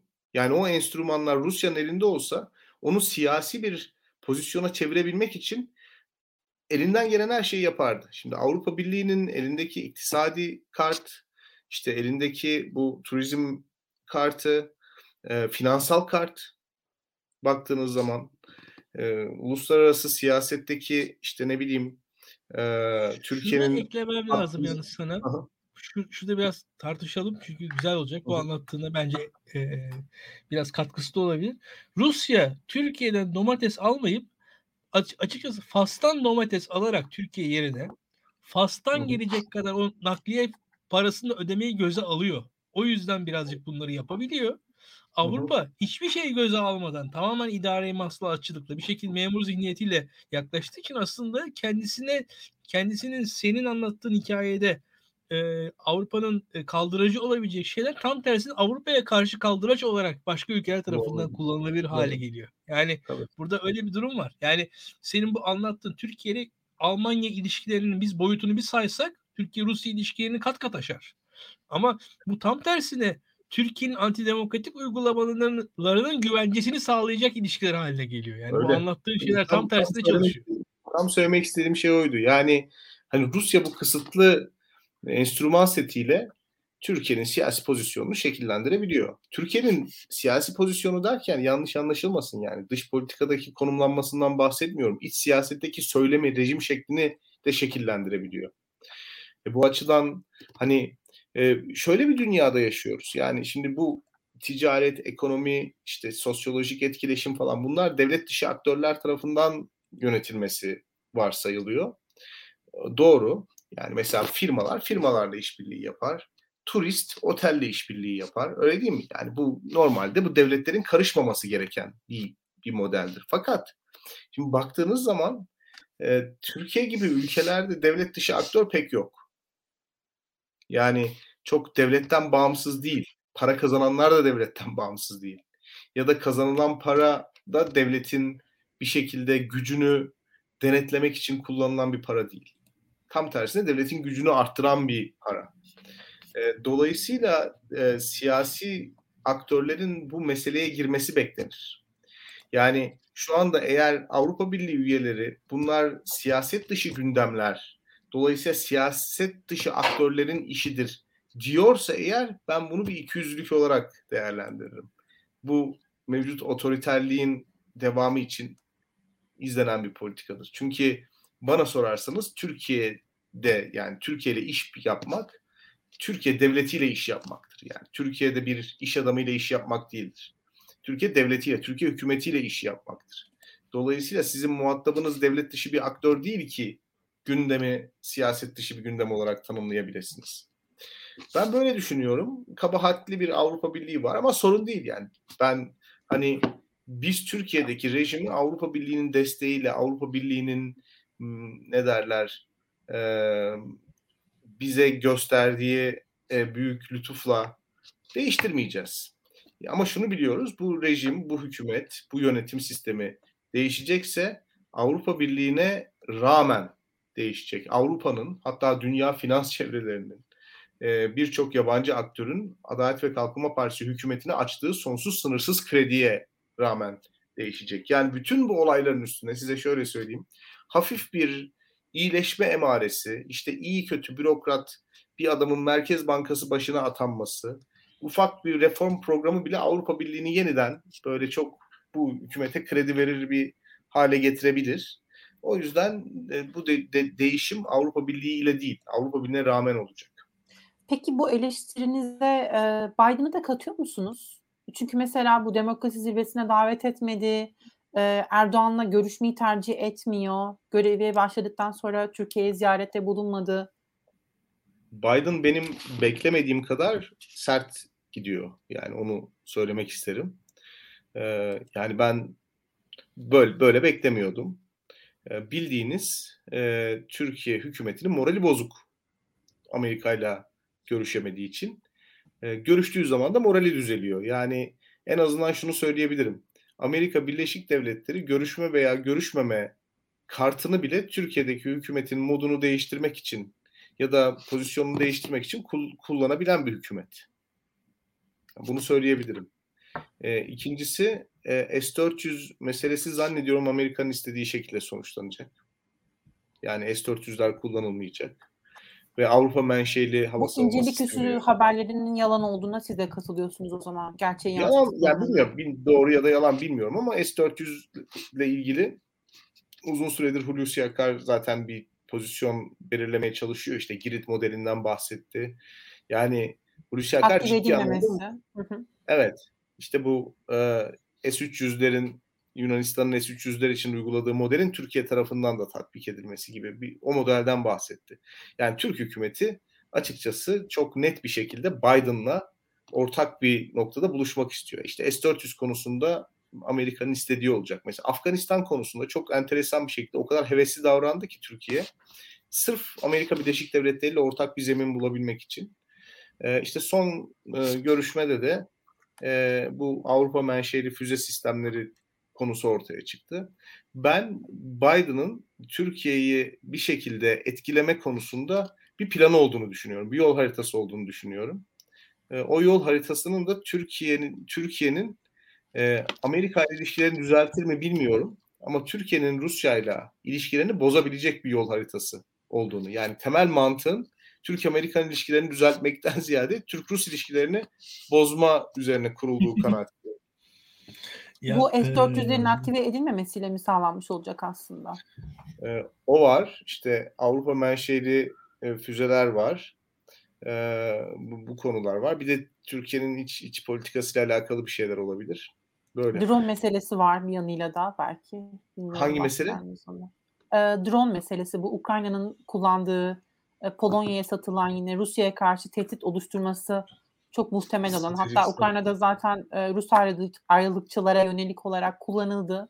Orada bir açıklama vardı. Mevlüt Çavuş olduğunu sanırım. E, değil mi? Ya evet, işte, biliyorum, e, biliyorum, biliyorum. Evet evet. Biliyorum. Evet. Ya ben ya, birazcık daha iddialı birkaç şey, şey söyleyeyim. Burak Bilgehan e, akademik çerçeve içinde kalmaya çalıştı. E, Amerika'da değişiyor. Amerika'da değişiyor. Şu anda Amerika'da e, Türkiye'nin hani tarihi boyunca açıkçası Türkiye Trump'la beraber farklı bir Amerika ile karşılaştı. Nispeten kendisine benzer, nispeten daha e, ne diyeyim tek adam işte, mevcut sistemin daha dışından gelen bir aktörle karşılaştı. Ama şu an çok adını koymadığımız başka bir durum da Amerika'da şu an var bence. Sol demokratlar diyebileceğimiz bir yapı şu an Amerika'da giderek daha etkin hale gelmiş durumda. Ve Türkiye e, hükümeti, Türkiye devleti Türkiye'nin entelijansiyası bunun ne kadar farkında ben tam emin değilim. Yani burada e, bu şu an bu F-16 meselesi, Senato ile olan ilişkiler meselesi vesaire konularında Türkiye henüz e, yeterince yeni Amerikan realitesini çok algılamış gibi gelmiyor bana. Yani bir o tarafı var o işin ve m, Ukrayna'dan bahsetti. Ben hatta o zamanlar korkuyordum. Yani Burak Bilgehan bahsettiği zaman. Çünkü Amerika'nın Ukrayna'ya bir askeri müdahalesi Türkiye'yi tekrardan o eski savunma e, strateji e, paradigması içerisine sokabilir ve Türkiye'ye bir anda böyle milyarlarca dolar falan e, yığılabilirdi. O kirli paralar Türkiye'ye girerdi diye düşünmüştüm ben. Ukrayna'ya bir Amerikan müdahalesi eğer olsaydı ki e, yani şu an birazcık sol demokratlar o eski müdahaleci Amerika'nın önünü biraz kestiler diye düşünüyorum. Ve Amerika çekilmeye başladı bir yerlerden ve bu Türkiye'nin o güvenlik paradigmasında kendisini bir yere konumlandırma çabasının önüne geçti. Yani şu an Türkiye böyle Amerika'nın acil güvenlik ihtiyaçlarını çözen bir ülke değil. Ve pek de olacakmış gibi de durmuyor. Yani Türkiye aman tanrım işte Türkiye olmazsa olmaz falan işte diye diyebileceğimiz bir noktada değil. Yani Irak'ta 150 bin Amerikan askeri varken Türkiye'deki hükümeti mutlu etmek Amerikan hükümetinin de bir göreviydi. Öyle ya da böyle. Yani e, atıyorum Afganistan'da Amerikan askerleri varken Türkiye'deki hükümeti bir şekilde tatmin etmek, Türk hükümetinin taleplerini de e, dikkate almak Amerika'nın da bir şekilde vazifesiydi. Ama bugün Ukrayna'da mesela 100 bin Amerikan askeri olsaydı Türkiye'nin hükümetinin talepleri Amerikan hükümeti tarafından çok daha fazla ciddi alınırdı. Ama bugün Ukrayna'da 100 bin Amerikan askeri yok. Bugün Ukrayna'ya 100 bin Amerikan askeri yollayacak bir hükümet yok Amerika'da. Yani başka bir dünya paradigmasında Ukrayna'ya 100 bin Amerikan askeri, giderdi. Yani Kırım'ın işgali falan konumunun olduğu bir dünya olsaydı gidebilirdi ve o zaman da Türkiye başka bir ülke olurdu. Şu anki dünyada artık Ukrayna Ukrayna için, Kırım için 100 bin Amerikan askerini kimse oraya yollamıyor. Şimdi e, burada da ister istemez bir taraftan şu var, Türkiye sağa sola askerini yollayıp duruyor. Bunun sonunda Türkiye acaba biz ne diye askerimizi sağa sola yolluyoruz sorusunu belki Amerika'nın 50-60 yıl sonra sorduğu gibi ileride sorar. O ayrı mesele. Şu an biz mesela sormuyoruz bu soruları yeterince Türkiye'de. Belki Burak Bilgehan arada soruyor. E, ama pek soran insan az.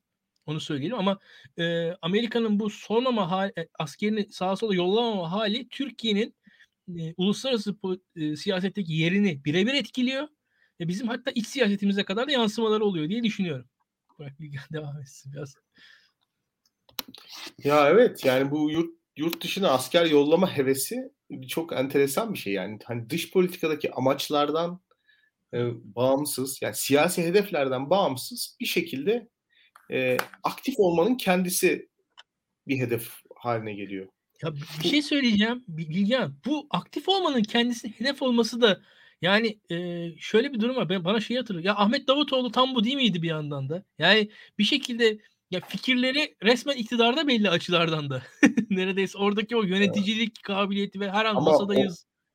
O, orada yani tek yöntem mi, mi, e, asker değildi.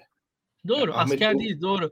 Ama aktiflik yani sürekli bir şeyler Tabii. yapıyor. Bir anda bir şey şu an Etiyopya'daki ayrılıkçı hareketle Türkiye'nin bir şekilde bir gündem var yani. Şu onu takip ediyoruz Türk Twitter'ında biz şu anda. Burada da amaçlanan belki neo Osmanlıcı bir anlayışın yine tezahürü mü? Böyle mi tasnif etmek gerekir? Şimdi yani tam olarak Davut o da stratejik derinliği aslında işte. Hala ya. devam ediyor belli ki.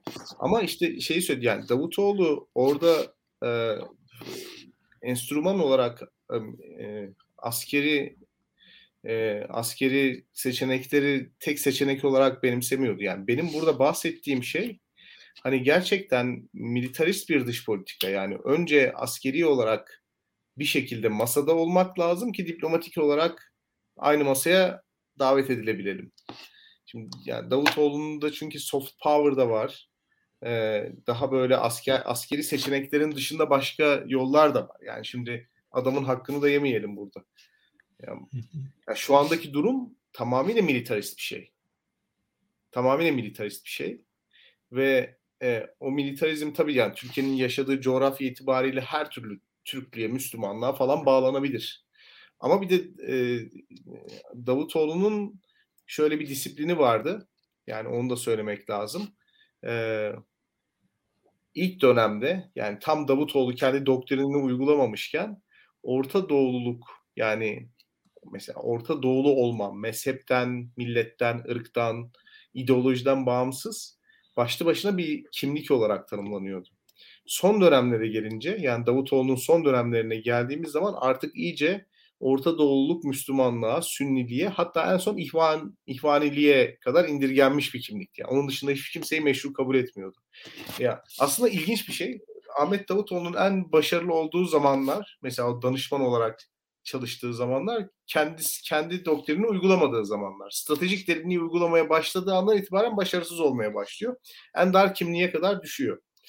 E, şu anda tabii biraz onu andıran, o aktivizmi andıran bir durum var ama hani soft power gibi, farklı kültürel araçlar gibi, siyasi, diplomatik ritim gibi kavramların yerine doğrudan askeri operasyon. Hani doğrudan askeri aktivizm aldı. Üniversitede bazı kulüpler vardır. Hepimiz biliriz. Mesela Genç Başarı Kulübü. İşte Atılım ve Girişim Kulübü gibi. Şimdi üniversitede biz hani nedir? Daha fikir kulüplerine alışkınızdır. İşte liberal düşünce kulübü, Atatürkçü düşünce kulübü, milliyetçi düşünce, sosyalist düşünce falan.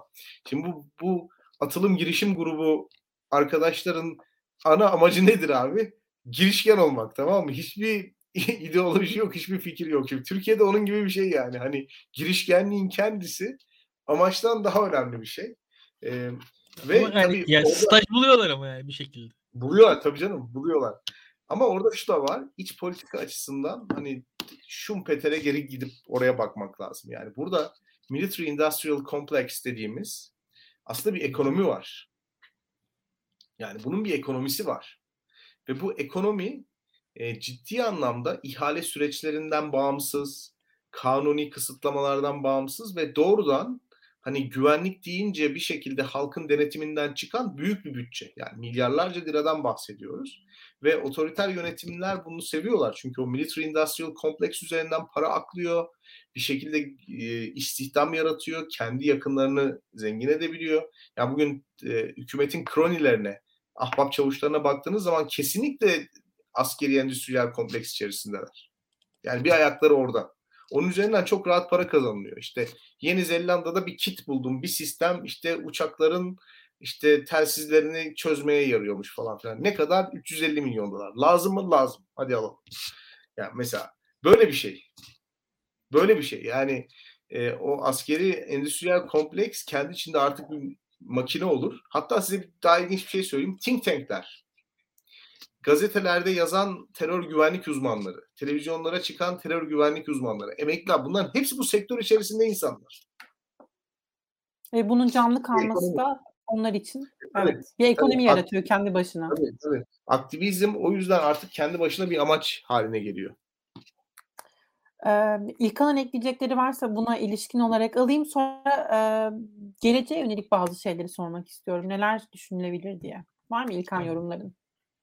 Daha fazla bir yorumum yok benim. Ahmet Davutoğlu hakkında biraz haksızlık yaptığım doğru. Onu söyleyebilirim. Ama e, şun, şu dediğimin arkasındayım. Yani Ahmet Davutoğlu'nun e, belli fikirlerini daha da radikal şekilde e, şu an uyguluyor hükümetimiz. E, ve e, şöyle söyleyeyim. Türkiye'nin e, biz ya birileri oturacak ileride bunları yazacak diye umuyorum açıkçası. Ya Türkiye'nin bugün Etiyopya'da yaptıkları yani e, anlamı, amacı vesairesi. Mesela hakikaten bunları doktora tezleri olarak ileride okuyacağız diye umuyorum. Yani Türkiye'nin atıyorum Pakistan ya şu an Türkiye mesela Türkiye yıllardır e, Pakistan'ın yanında yer alırdı. E, şu an Türkiye ilk defa e, şu an mesela F-16 alımı konuşuluyor. Hint, Hint lobisinin etkisinden dolayı F-16'ların Türkiye'ye verilmeyeceği söyleniyor. Yani Amerika'daki Hindistan lobisi şu an Türkiye'nin karşısına gelmiş durumda. Yani Türkiye o kadar aktif politika uyguluyor ki Hindistan lobisiyle karşılaşır hale geldik biz şu anda. Yani baya enteresan bir ülke halinde. Yani şu anda Türkiye ya biz ben düşünüyorum biz 70 yıldır Pakistan'a düşman mıydık da bu hükümet geldi dost olduk. Yo. Türkiye 70 yıldır Pakistan'ın dostuydu ama bir şekilde şu hükümet Hindistan lobisini karşımıza almayı başaracak kadar noktaya getirdi. Yani e, ölçü, e, hani usul, diplomasi vesaire e, bu konuların ne kadar Hepsinin ötesinde kaldığımızı bir dönemde örneğini düşünüyorum ben. Yani hakikaten ya şu an Türkiye-Amerikan ilişkilerinde Türkiye'nin bir sorunu Hindistan lobisi. Ya bu, bu bunu düşündüğünüz zaman ya, ya Bilgehan sen bunu hayal edebiliyor muydun yani 15 yıl önce falan Hindistan lobisini ikna etmeye çalışacağız falan böyle. Hani böyle bir onu aşmaya çalışacağız denecek. Yani, Çünkü burada olay samimi olma yani işbirliği yapma veya çatışma içerisinde olmak da değil. Yani işbirliğinin tarzı ve çatışmanın tarzı da çok değişti. Yani mesela işbirliği hatırlar mısın İlkan? TRT1'de 80'li yıllarda Pakistan'la alakalı tanıtım filmleri olurdu. Tabii ki Pakistan Milli Günü'nde. Değil mi? Böyle dost ve.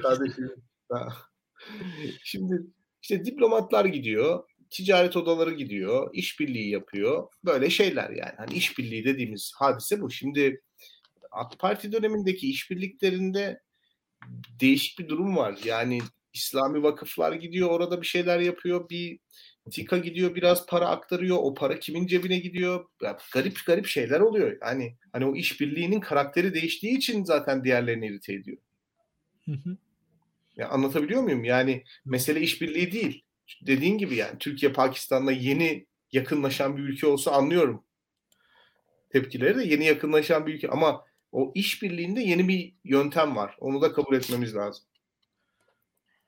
E, rotayı tekrar Avrupa Birliği'ne çevirirsek eğer e, şimdi seçimlerin yapılması bekleniyor, erken seçim bekleniyor. Yapılmasa bile 2023'te olacağı düşünülüyor ve belli ki e, Erdoğan'a devam edilmeyecek. Çünkü anketlerde Erdoğan gerilerde kalıyor artık.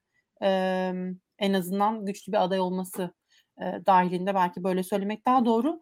Peki önümüzdeki dönemde nasıl bir e, Avrupa Birliği politikası bekliyorsunuz yeni kurulabilecek hükümetlerden?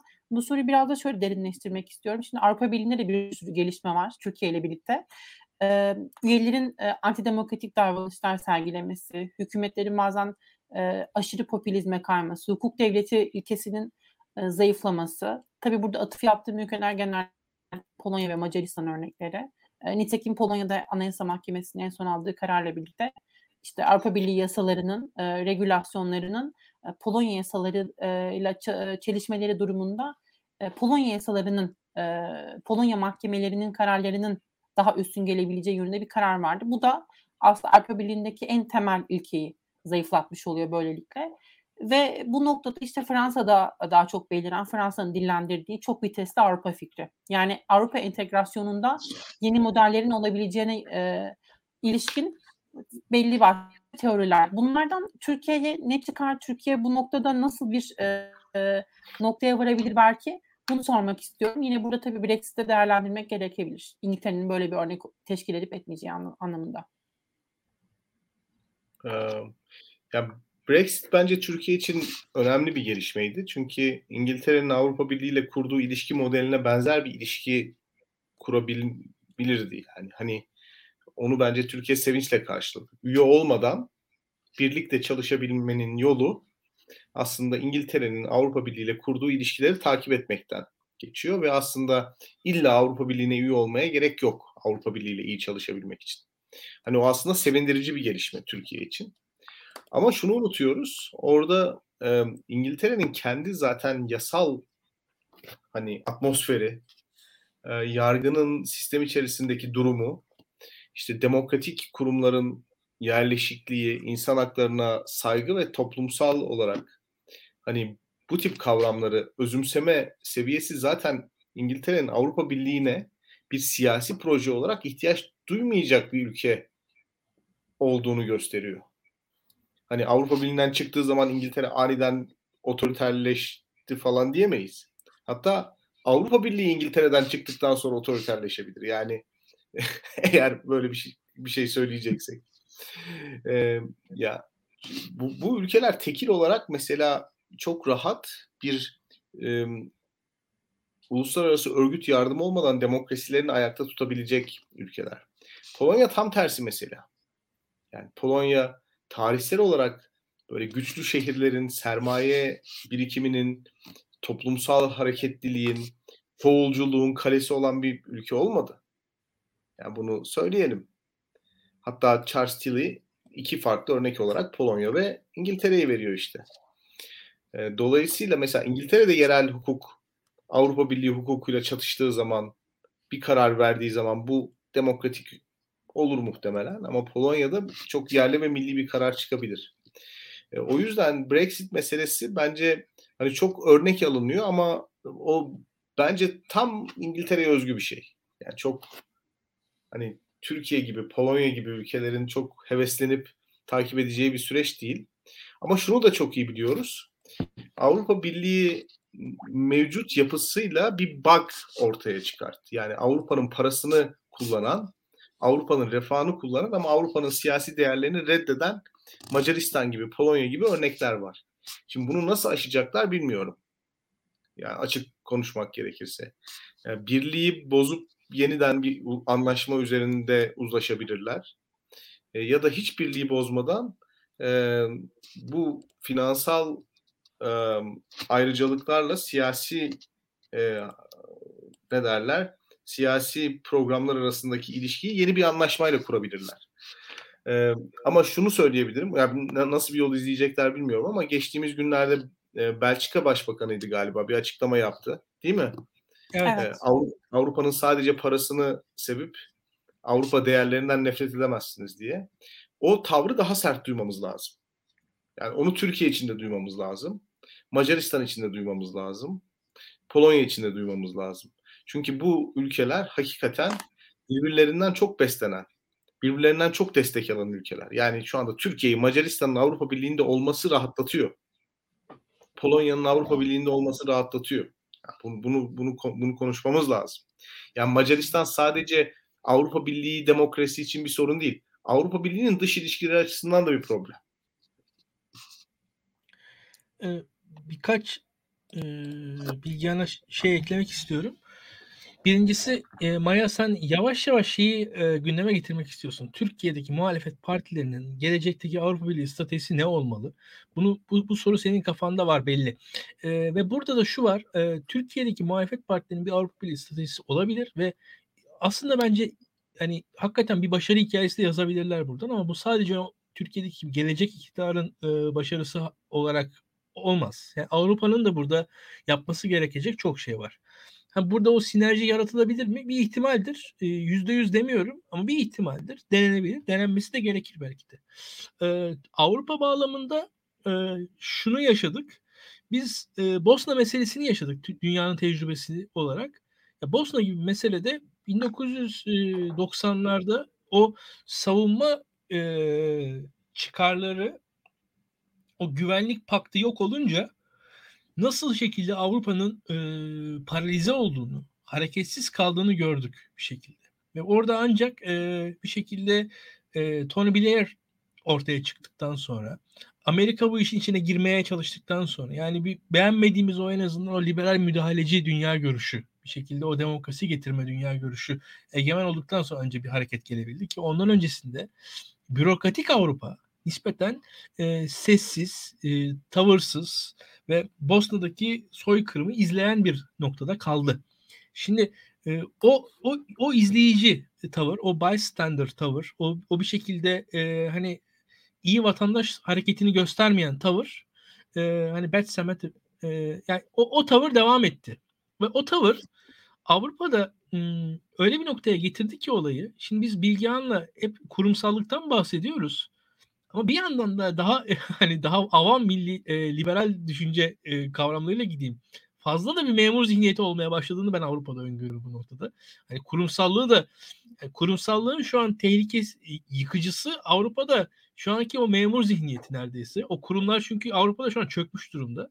Çünkü sorunlara karşı o sorunlar idare ediliyor. Çözülmeye çalışılmıyor ve bir sonrakine aktarılıyor. Yani mesela o mülteci meselesinde Bilgehan'ın söylediği şeylerde Avrupa hiçbir sorunu çözmüyor aslında. O sorunları idare ediyor teknik olarak. Hiçbir şekilde o sorunlara ve e, açıkçası şu anda da şu ana kadar da Macaristan'da bir sorun var mı? Var. Ne yapıldı? İdare edildi o sorunlar.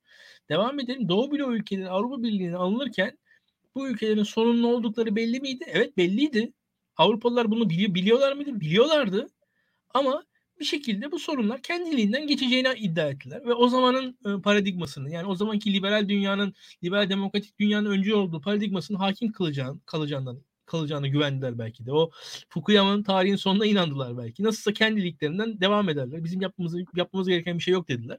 Ve bu ülkeler hani öyle ya da böyle Türkiye'nin e, test edildiği kadar dahi test edilmeden Avrupa Birliği üyesi oldular ve biz bir anda bir anda radikalleşi verdiler. Bir anda antidemokratikleşi verdiler. Bu nasıl bir anda bu ülkeler bu bunca ki e, şöyle söyleyeyim Polonya Maya son 20-30 yılın ekonomik olarak e, uzak doğu ülkeleri haricindeki en başarılı ülkesi. Avrupa Birliği'ne Polonya'nın girmesinden sonra yaşadığı ekonomik yükselişin haddi hesabı yok. Polonya Avrupa Birliği'nden en çok nemallanan ülkelerden bir tanesi. Ama bunun sonucunda bu noktaya geldik biz. Yani e, Belçika Başbakanı tamam haklı ama bu gelinen noktanın da bir açıklaması, izahı olması lazım. Şimdi devam edeyim. Avrupa'nın burada e, birincisi iradesini ortaya koyabilmesi lazım. Çünkü sorunların sorunlarla hani kafa kafaya head on yaklaşılmadıktan sonra e, idari maslahat ile o sorunlar ancak büyüyor. Polonya sorununun büyüyeceğini düşünüyorum ben. Hani Avrupa'da bu meseleler para meselesi olarak bakıldıkça, sadece para meselesi olarak bakıldıkça Avrupa'nın kaybeden, kaybedeceğine inanıyorum ben. Çünkü yani mesela Türkiye mülteci meselesinde 5 milyar dolar vermekle veya 10 milyar euro vermek arasındaki fark değil bu fark sorunu yaratan şey. Bu soruna yaklaşım tarzı da fark var diye düşünüyorum. Ee, bu soruna Avrupa doğrudan yaklaşmadıkça e, ve başka sırtından atmaya çalıştıkça sorunlarını e, böyle sıkıntılar yaşamaya devam edecektir. Yani bugün e, Macaristan devletinin yaşadıklarını, Polonya'nın yaşadıklarını hatta adını koymadığımız yani Romanya, Bulgaristan gibi Avrupa Birliği üyesi ülkeler var. Şimdi Romanya'da, Bulgaristan'da yani tamam Türkiye'de biz yolsuzluktan falan şikayet ediyoruz da yani Romanya'da, Bulgaristan'da falan bana hukuk devleti olduğunu falan kimse söylemesin. Yani açıkçası. Bir de o tarafı da var bu işin. E şimdi Avrupa Birliği ne yapmış diye insan soruyor. 30 yıl geçti. E, şu an Berlin Duvarı'nın yıkılmasının ardından 32 yıl geçti. Bu ülkelerde ne kadar e, bir ilerleme oldu sorgulanması gerekir. E, Avrupa'nın yapmadığı, yapamadığı e, performansının da üzerinde durulması gerekir diye düşünüyorum. Buradaki bürokratikleşmeyi biz yaşıyoruz. Ben kendi adıma öyle ya da böyle Türkiye'deki Avrupa kurumlarını e, uzaktan izliyorum. Temsilciler bana bir siyasetçi gibi gelmiyor mesela. Hepsi memur. Yani bunların bunlar gerçek anlamda e, bir karar alabilecek şeyler insanlar değiller karşımızdakiler. E, benim muhatap olduklarım en azından. Avrupa'da e, öyle bir eksiklik var. O eksiklik sürdükçe bir sıkıntılarımız olacaktır. Ha nedir Türkiye'de e, Maya? Türkiye açısından şu. Türkiye'de Türkiye'nin modernleşmesin modernleşmesi bir hikaye.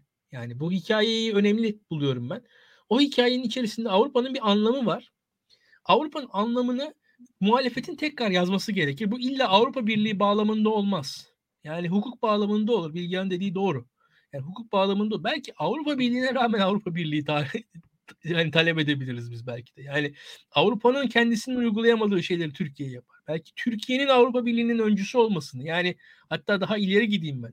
Birazcık daha güzel bir cümle kullanayım. Hani muasır medeniyet seviyesi ötesi dendi ya biz Avrupa Birliği'nin ötesini Türkiye'de kurgulayacak bir muhalefet olmasını bekleriz bundan sonrasında. Yani bugün Avrupa Birliği hedefinin daha ötesi belki de. Avrupa AB ötesini düşünmemiz gerekecek belki de.